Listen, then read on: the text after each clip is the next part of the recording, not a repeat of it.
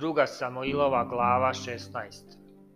A kad David pređe malo preko vrha, gle siva Mefi Vostejev srete ga sa dva magarca natovarena na kojima beše 200 hlebova i 100 grozdova suvih i 100 gruda smokava i meh vina. I reče car Sivi, šta će ti to? A Siva mu reče, magarci su za čelja carevu da jašu, a hlebovi i voće da jedu momci, a vino da pije ko se umori u pustinji. A car mu reče, a gde je sin tvog gospodara? Reče Siva caru, eno ga, ostao je u Jerusalimu, jer reče, danas će mi dom Izraeljev vratiti carstvo oca mog. Tada reče car Sivi, evo, tvoje je sve što je bilo Mefi Vostejevo, a Siva reče, klanjam ti se da nađe milost pred tobom, care gospodaru. I dođe car David do Baurima, a gle, iziđe odande jedan od roda doma Saulovog, po imenu Simej, sin Girin i idući psovaše.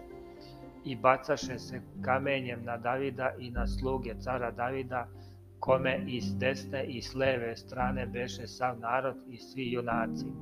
A Simej ovako govaraše psujući, odlazi, odlazi kropio iz likovče, obrati gospod na tebe svu krv doma Saulovog, na čije si se mesto zacario, i predade gospod carstvo u ruke Avesalomu, sinu tvom, eto te sada u tvom zlu, jer si krvopija.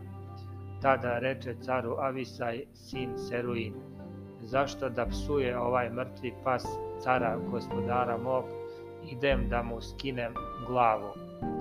Ali car reče, šta je vama do mene, sinovi Seruini? Neka psuje, jer mu je gospod rekao, psuj Davida, pa ko sme kazati, zašto tako činiš?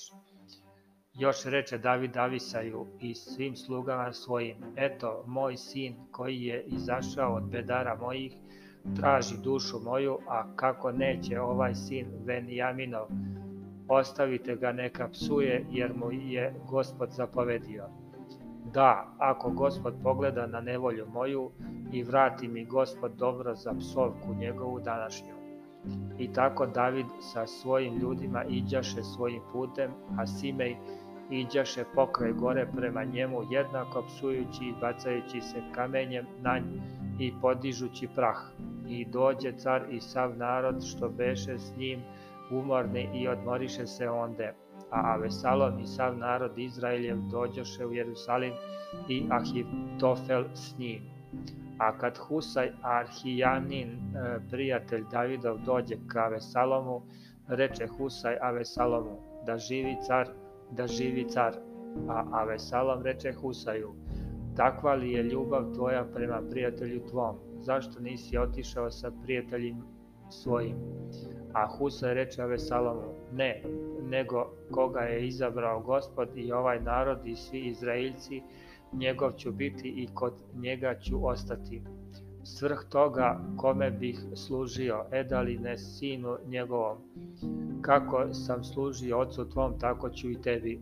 A Avesalom reče Ahitofelu, savetuj šta ćemo činiti. Ahitofel reče Avesalomu, lezi s sinočama oca svog, koje je ostavio da mu čuvaju kuću, pa kad čuje sav Izrael, kako si se omrazio s ocem svojim, osiliće ruka svima koji su s tobom.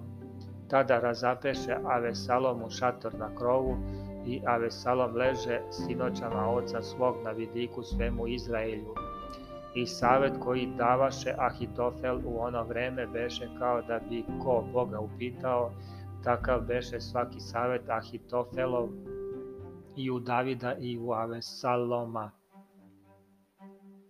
Thank you.